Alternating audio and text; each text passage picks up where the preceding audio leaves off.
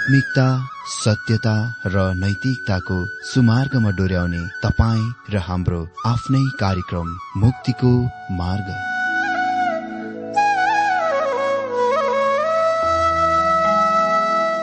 आदरणीय श्रोता यस मुक्तिको मार्ग कार्यक्रममा हार्दिक स्वागत छ। आशा छ यस आत्मिक कार्यक्रमद्वारा जीवनमा आत्मिक आशिष अलौकिक शान्ति र आनन्द प्राप्त गर्नुहुनेछ। र जीवनमा धन्य अनुभव गर्नुहुनेछ। आउनुहोस् श्रोता। मन र आत्माको तयारीको लागि यो मिठो अनि मधुर भजन गीत सुनौ।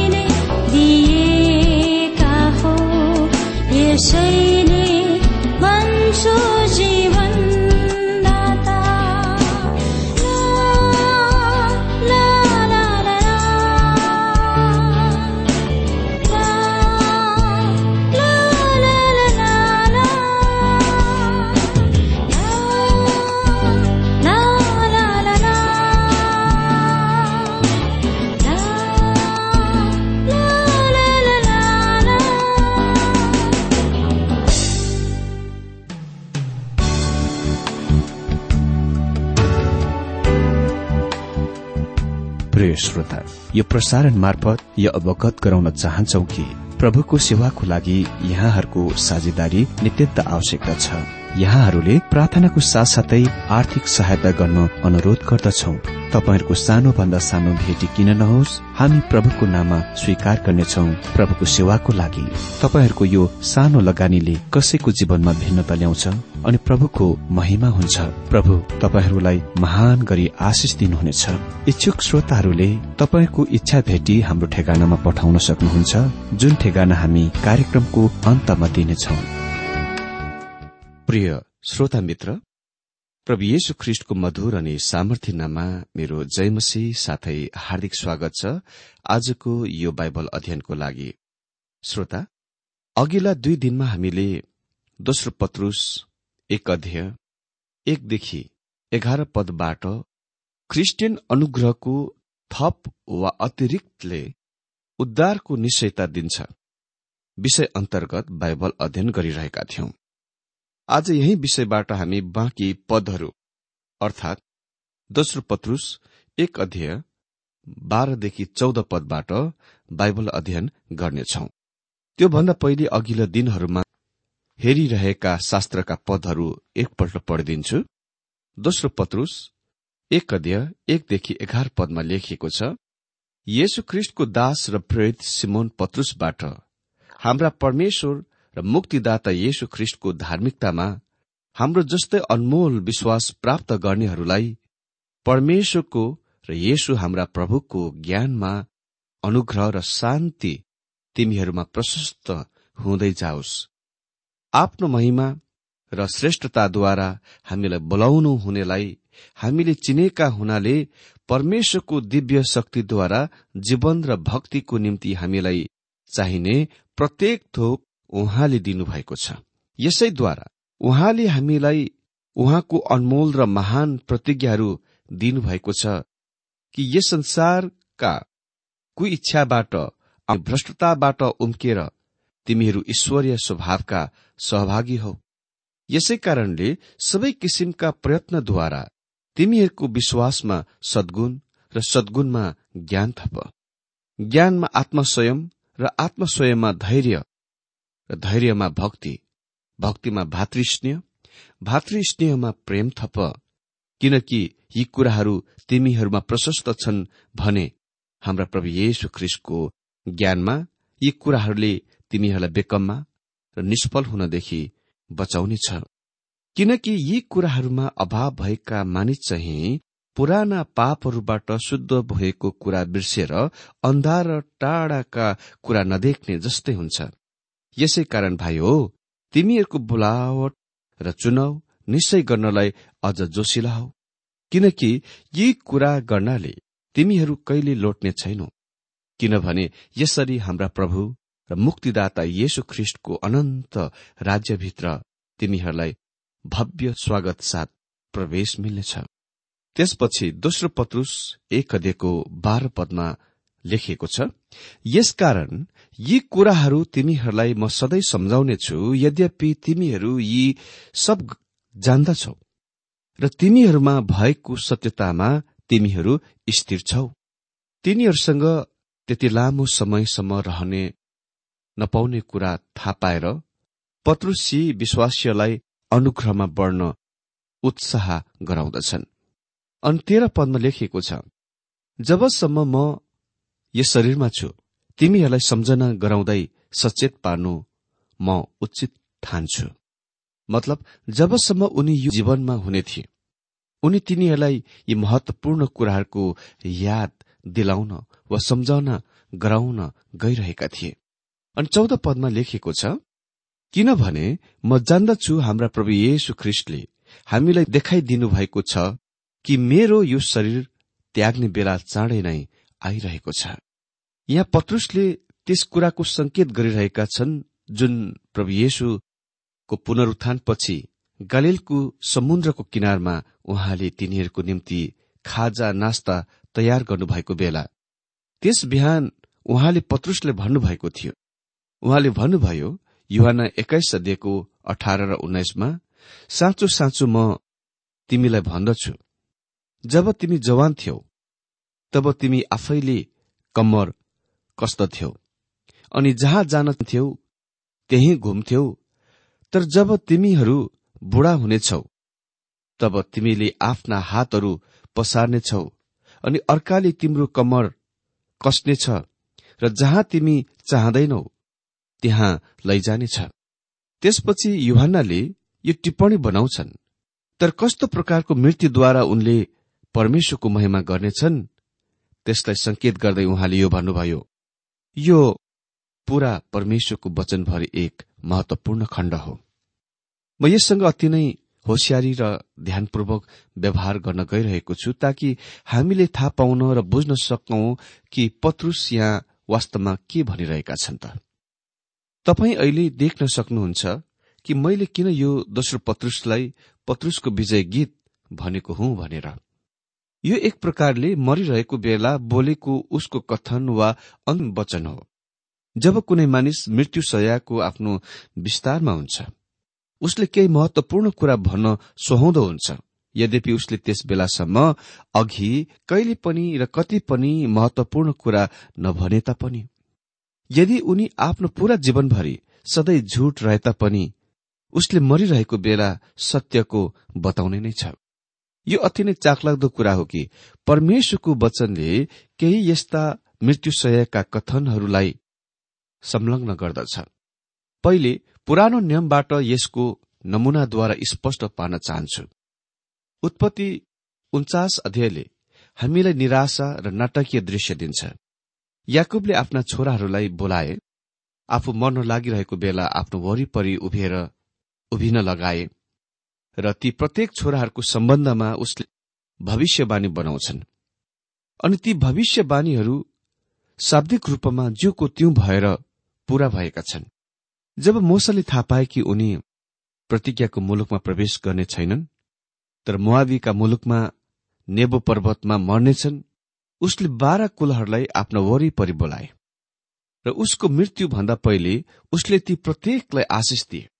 बिल्कुल त्यस्तै नै मुसाले भन्दा अघि वा पहिले याकुबले गरेथे। त्यो अति नै महत्वपूर्ण उपदेश थियो जुन उसले त्यस बेला तिनीहरूलाई दिएथे। जब यहोसु वृद्ध भए र यो जीवनबाट प्रस्थान हुन तयारीमा थिए उसले पनि इसरायलका कुलहरूलाई एकट्ठा भेला गरे र उसले आफ्ना अन्तिम अभिभारा वा कामको तिनीहरूलाई दिए। त्यसपछि उसले परमेश्वरलाई पछ्याउन तिनीहरूलाई चुनौती दिए र उसको आफ्नै जीवनको साक्षी दिए म र मेरो घरनाले चाहिँ हामी परमप्रभुलाई सेवा गर्नेछौ। जब दाउद मर्न लागिरहेका थिए उसले सुलेमानलाई आफूतिर बोलाए म विश्वास गर्दिन कि दाउदले आफ्नो उत्तराधिकारीको रूपमा सुलेमानलाई नै चुने वा चुन्ने थिए।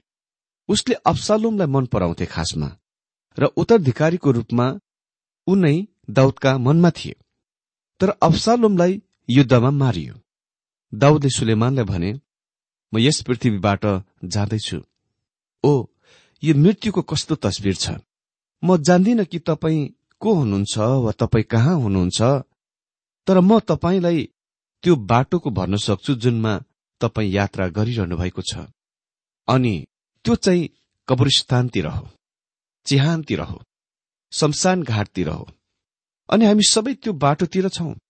त्यसपछि दाउदले सुलेमानलाई परमेश्वरको भवन मन्दिर निर्माणको उत्तरदायित्वको अभिभार दिए र उसले सम्पूर्ण इसरायलीहरूलाई यसको महान कामको लागि सहायता दिने आग्रह गरे। उसले भने किनकि मेरो छोरा सुलेमान जसलाई परमेश्वरले चुन्नु भएको छ अझै कलिलो र बालकै छ र काम चाहिँ अति नै महान छ। किनकि यो भवन मानिसको लागि होइन तर परमप्रभु परमेश्वरको लागि हो। त्यसपछि नयाँ नियममा जब प्रभु येशू ख्रिष्ट यरुसलेममा अन्तिम निस्तार चाडको लागि आउनुभयो उहाँले माथिल्लो तलामा आफ्ना चेलाहरूलाई यो स्पष्ट बताइदिनुभयो यो तिनीहरूसँग शरीरमा संसारमा हुने सम्बन्धमा चाहिँ उहाँको अन्तिम समय थियो। अनि निश्चय नै उहाँको मृत्युपछि महिमित पुनरुत्थित शरीरमा तिनीहरूको बीचमा देखा पर्नुभयो। ओ कस्तो महान सत्यता उहाँले तिनीहरूलाई त्यस अन्तिम साँझमा दिनुभएको थियो। हामीले देखिसकेका छौं कि प्रेरित पावलले आफ्नो अन्तिम स्मृतिले चिहान खोदिने शब्दहरू दोस्रो तिमोथीमा दिइसकेका छन्। चिहानमा खोदिने शब्दहरू वा अन्तिम स्मृतिले दोस्रो तिमोथीमा दिइसकेका छन्। यो उसको विजय गीत हो। किनकि चढाइन लागेको। किनकि म चढाइन लागेको छु अनि मेरो विदाईको बेला आइपुगेको छ। मैले असल लडाई लडेको छु। मैले मेरो दौडलाई पूरा गरेको छु। मैले विश्वासको रखवाली गरेको छु। अब उपरान्त मेरो लागि धार्मिकताको मुकुट राखिएको छ जो चाहिँ धार्मिक न्यायकर्ता प्रभुले त्यस दिन मलाई दिनुहुनेछ। अनि मलाई मात्र होइन तर उहाँको आगमनलाई प्रेम गर्ने सबैलाई पनि दिनुहुनेछ। अहिले सिमोन पत्रुस भन्छन् चौध पदमा किनभने म जान्दछु हाम्रा प्रभु येशु ख्रिस्टले मलाई देखाइदिनु भएको छ कि मेरो यो शरीर त्याग्ने बेला चाँडै नै आइरहेको छ। उसले जान्दछन् कि उनी आफ्नो यो संसारिक जीवनको अन्ततिर आइपुगेका छन्। परम्पराले हामीलाई भन्दछ कि उसलाई उधो मुन्टो पारेर क्रुशीकरण गरिए वा क्रुसमा टाँगिए। वास्तवमा यस्तो प्रस्ताव उनी स्वयंले दिएका थिए। किनकि जब हाम्रो प्रभुलाई क्रुसमा टाँगिनुभयो उहाँका शिर उभो स्वर्गतिर थियो उहाँको टाउको उभो आकाशतिर थियो। तर सिमोन पत्रुसले प्रभु येशुले जस्तै उही तरिकामा मर्न आफैलाई अयोग्य ठाने। त्यसकारण उनी आफ्नो शिरलाई तल गरेर वा उधो मुन्टो परेर मरे। जब सिमोन पत्रुसले भने मेरो डेरा उठाउने समय चाँडै आइरहेको छ भनी म जान्दछु। उसले निश्चय नै आफ्नो यो शरीरको संकेत गरिरहेका थिए। मित्र यहाँ लेखिएको छ चौध पदमा किनभने म जान्दछु हाम्रा प्रभु येशु ख्रिस्टले मलाई देखाइदिनु भएको छ कि मेरो यो शरीर त्याग्ने बेला चाँडै नै आइरहेको छ। मित्र यहाँ पत्रुसले आफ्नो जीवनको अन्तको अभिव्यक्त गरिरहेका छन्। पाउले लेखे दोस्रो कोरन्थी पाँच अध्यायको एक पदमा किनकि हामी जान्दछौ यी डेरा रूपी हाम्रो पृथ्वीको घर ढल्यो भने। स्वर्गीयमा सदा रहिरहने परमेश्वरबाटको भवन जो हातले बनाएको घर होइन हामीले पाउँछौ। मित्र यो जीवन यो डेरा अस्थायी हुन्छ यो दुर्बल हुन्छ अनि हाम्रो शारीरिक जीवन पनि त्यस्तै छ। जब हामी मर्छौं तपाईँ र म रहेको यो सानो शरीर शुद्ध छ आराम गर्दछ। शरीर पृथ्वीको माटोमा सुत्छ आराम गर्दछ। जब परमेश्वरले आदमलाई सृष्टि गर्नुभयो उहाँले उसको शरीर माटोबाट बनाउनुभयो। मानिस माटोबाट बनाइएको हो। हाम्रा शरीरहरूमा त्यस्ता पन्ध्र वा सोह्र तत्वहरू छन् जुन आज माउन सकिन्छ। त्यो नै शरीरको बनावट हो। शरीर मृत्युमा सुत्न वा आराम गर्न जान्छ र पृथ्वीको माटोमा फर्किजान्छ बाइबलले प्रयोग गर्ने सुताइको लागि ग्रीक शब्दको खास अर्थ लेट्नु हो अनि क्लासिकल ग्रीकमा यसको अर्थ हो ठेस अनि क्लासिकल ग्रीकमा यसको अर्थ हो विस्तारमा जानु। मित्र हाम्रो यो शरीर शुद्ध छ वा मर्दछ तर हाम्रो आत्मा चाहिँ कहिले मर्दैन सुत्दैन। यदि हामी विश्वासी र उद्धार पाएकाहरू हौ भने हाम्रो शरीर माटोमा फर्किजान्छ आराम गर्न वा सुत्नलाई। तबसम्म जबसम्म हाम्रो शरीर महिमित भएर परिवर्तन हुँदैन। अनि यो चाहिँ स्वर्गीय यात्राको बेला स्थान लिनेछ। अनि हाम्रो आत्मा चाहिँ प्रभुसँग हुनलाई जान्छ। तर अविश्वासी उद्धार नपाएकाहरूका लागि चाहिँ यो बिल्कुलै बेग्लै कथा हो। उसको निम्ति मृत्यु अति नै दुर्भाग्यको कुरा हो। दुर्भाग्यको कुरा बाइबलको अनुसार तिनीहरूको शरीर माटोमा नै फर्किजान्छ र दोस्रो पुनरुत्थानको प्रतीक्षामा त्यहाँ तबसम्म हुन्छ जबसम्म श्वेत सिंहासनको अन्तिम इन्साफमा उनी प्रकट हुँदैनन् र अन्तिममा नर्कमा आगो र गन्धकको तलाउमा फालिनेछ उसको आत्मा पनि त्यस बेलासम्म अघात खाँद वा अधलोकको कष्ट र यातनाको स्थानमा तडपिरहेको हुन्छ। पाउल यो पनि भन्छन् दोस्रो कुरन्थी पाँच अध्यय आठ पदमा हामी ढुक्क छौं। शरीरबाट अलग भएर बरु प्रभुसित रहनु नै इच्छा गर्दछौं। यही नै तरिकामा दुवै पाउल र पत्रुस विश्वासीको मृत्युको बारेमा बोल्दछन्। हामी रहने यो सानो डेरा चिहानमा जानेछ। त्यो सुत्न जान्छ तर आत्मा चाहिँ कहिले पनि मर्दैन। भन्छन् यहाँ किनभने म जान्दछु हाम्रा प्रभु येशु ख्रिस्टले मलाई देखाइदिनु भएको छ कि मेरो यो शरीर त्याग्ने बेला चाँडै नै आइरहेको छ।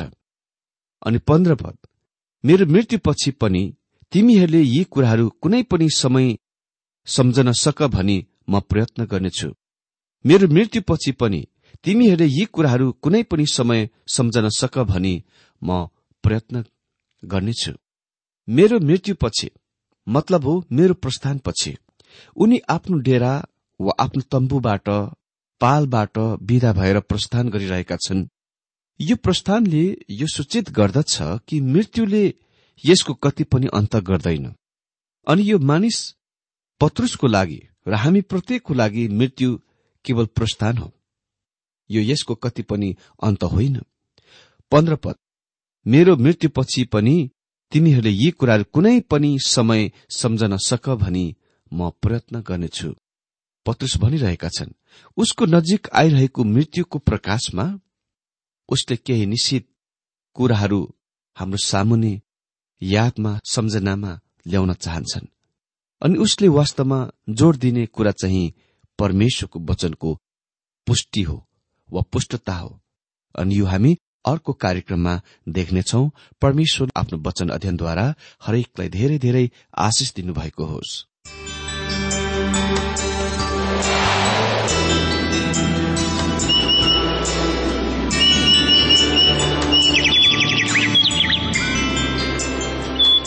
प्रिय श्रोता अहिले भर्खरै तपाईँले टीडब्ल्यूआर नेपालद्वारा सञ्चालित आत्मिक कार्यक्रम मुक्तिको मार्ग सुनिरहनु भएको थियो। श्रोता आजको यो कार्यक्रम सुनेर तपाईँलाई कस्तो लाग्यो? यदि यो कार्यक्रम सुनेर मनमा कुनै खुल्दुली वा कुनै प्रतिक्रिया अर्थात सुझावहरू छन् भने हामीलाई पत्रद्वारा लेख्न सक्नुहुनेछ।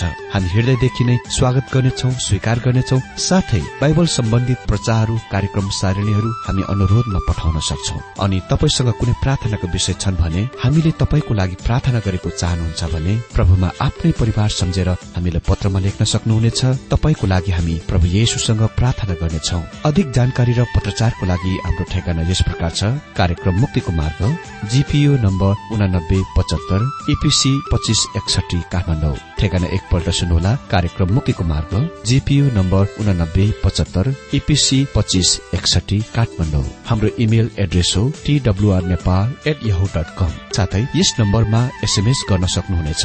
अन्ठानब्बे चार सत्तरी पैतिस छ सय उनासी नौ आठ चार सात जिरो तीन पाँच छ सात नौ। हुन्छ श्रोता आजलाई हामी विदा चाहन्छौ।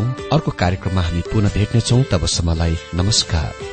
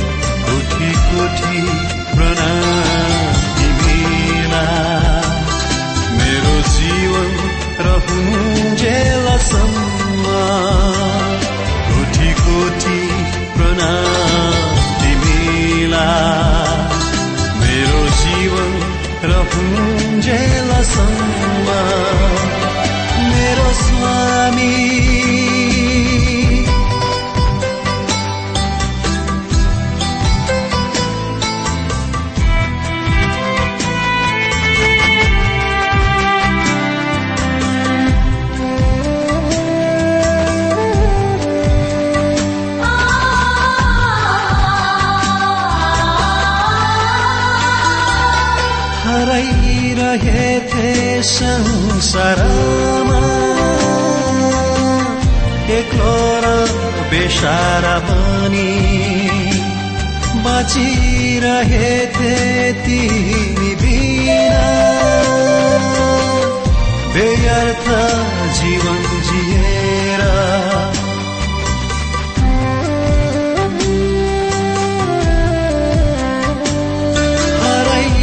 हराइरहेथे संसारमा। एक्लो र बेसारा बनी। बाँचिरहेथे तिमी बिना। व्यर्थ जीवन जिएर। साथ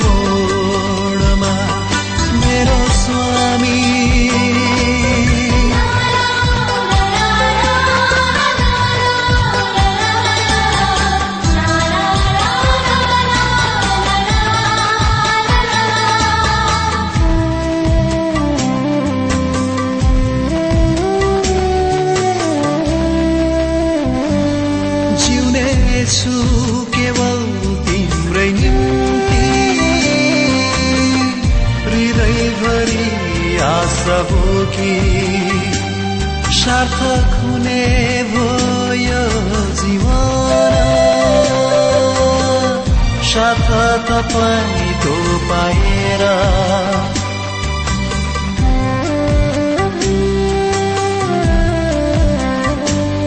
जिउने छु केवल तिम्रै निम्ति।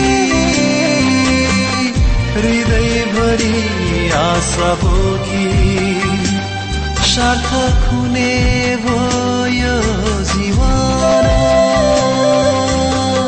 साथ तपाईँको पाएर चढाउँछु।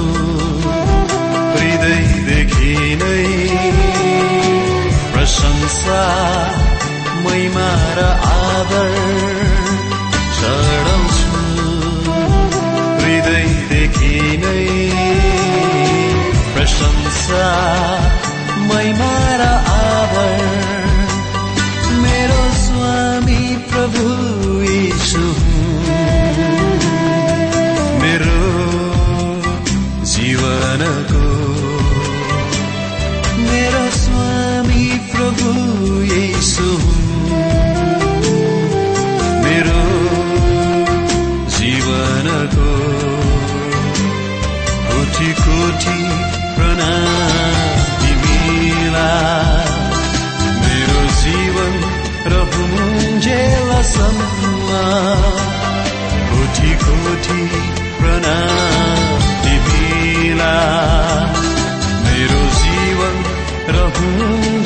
तिमीलाई मेरो जीवन रहुन्जेलसम्म